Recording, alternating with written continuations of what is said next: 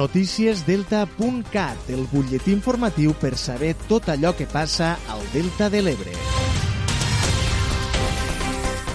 El ple de l'Ajuntament de Deltebre, celebrat ahir a la nit, ha aprovat el projecte de pavimentació de carrers que preveu, juntament amb les obres d'urbanització previstes, arranjar un 80% dels carrers del municipi este any 2022.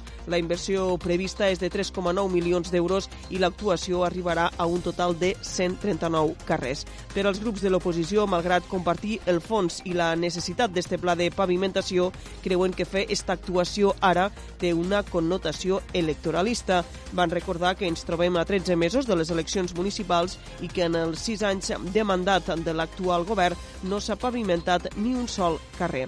Escoltem Aleix Ferrer, portaveu del PSC, i també a Joan Alginet, portaveu d'Esquerra Republicana.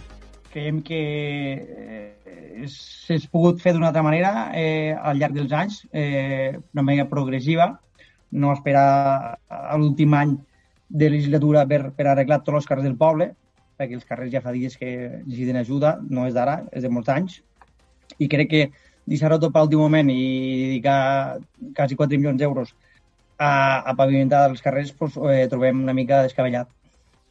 Però, tal com deia el portaveu socialista, no compartim que s'hagi fet tot a última hora, és a dir, a l'últim any de legislatura, perquè dona la sensació, i potser és una percepció meva, que és una mesura clarament electoralista i no, eh, no, no ha pensat ni ha planificat bé eh, les accions a, a realitzar a, a, a continuació.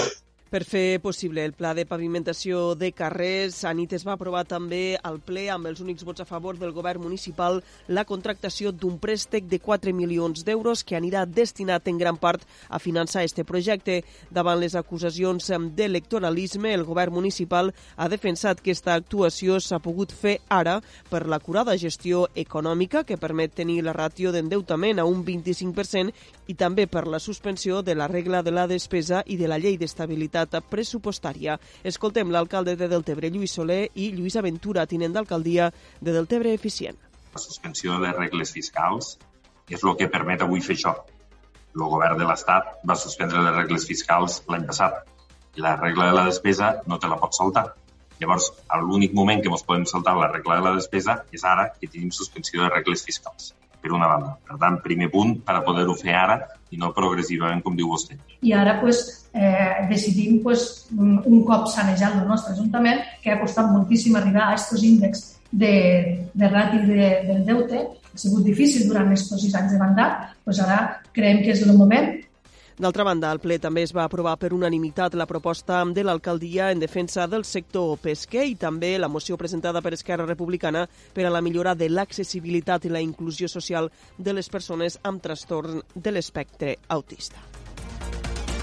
Més qüestions. Els municipis del Delta de l'Ebre han reactivat esta Setmana Santa els dispositius de vigilància i de regulació de l'accés de vehicles i autocaravanes en els espais del Parc Natural per evitar els problemes de massificació que es va viure durant la Setmana Santa del 2021. Els cossos de seguretat vigilaran amb especial atenció la pernoctació d'autocaravanes en espais naturals, ja que l'any passat es va arribar a comptabilitzar fins a 500 vehicles en una sola nit pernoctant en llocs prohibits. A més, l'Ajuntament de Deltebre ha reactivat esta Setmana Setmana Santa els aparcaments regulats de la platja de la Marquesa i de la Bassa de l'Arena i en el cas de la barra del Trabucador, malgrat l'accés serà lliure durant el dia, el pas quedarà barrat durant les nits. Escoltem Imma Juan, responsable d'ús públic del Parc Natural.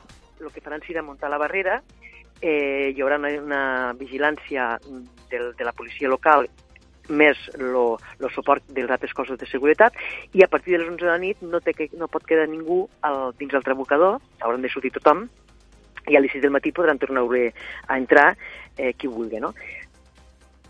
La Setmana Santa coincideix, a més, amb l'inici del període de nidificació d'aus al Delta de l'Ebre. És per això que el Parc Natural reforçarà la presència d'informadors a les zones més sensibles, com són la Punta del Fangar, el Garxal i l'illa de Buda. Així acabem. Més informació, com sempre, a través del portal deltacat.cat.